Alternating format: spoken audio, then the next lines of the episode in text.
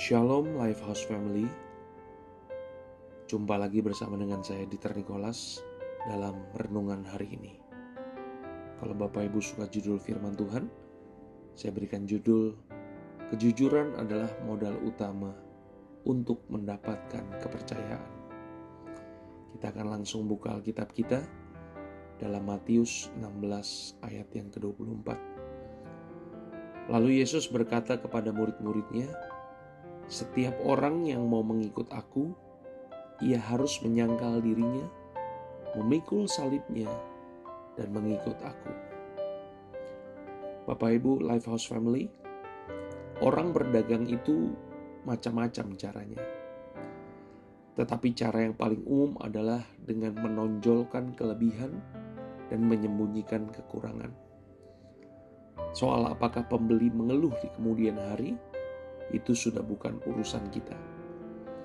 Apakah cara ini dibenarkan? Dalam dunia marketing, tentu ini adalah hal yang lumrah. Lalu, bagaimana dengan kita sebagai orang Kristen ketika mau menjual sesuatu? Saya pribadi menjual dengan cara yang berbeda.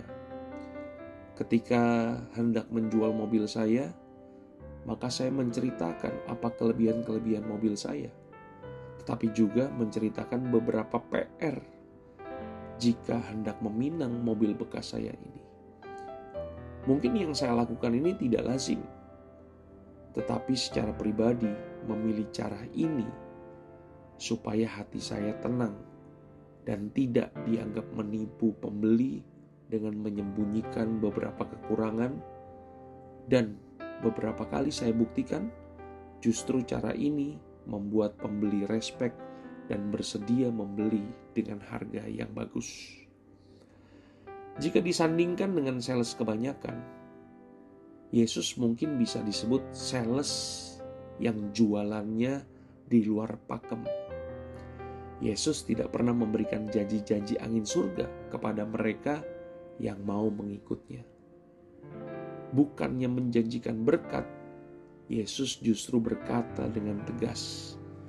Lalu Yesus berkata kepada murid-muridnya, "Setiap orang yang mau mengikut Aku, ia harus menyangkal dirinya, memikul salibnya, dan mengikut Aku." Beda dengan calon pemimpin yang dalam kampanye selalu menjanjikan sesuatu yang muluk-muluk, menjanjikan angin surga, dan setelah terpilih janji-janji angin surga itu gak tahu menguap ke mana. Bapak Ibu Saudara terkasih dalam Tuhan Life House Family, pada pagi hari ini kita mau belajar bahwa jujur itu tidak selalu hancur. Yesus sudah mengatakan apa adanya, termasuk segala konsekuensinya jika menjadi muridnya.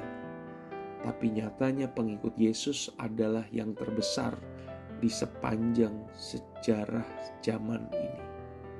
Pada pagi hari ini kita belajar, marilah kita jadi orang-orang yang jujur.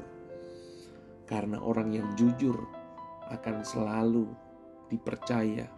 Orang yang jujur akan selalu dipercayakan Bapak Ibu.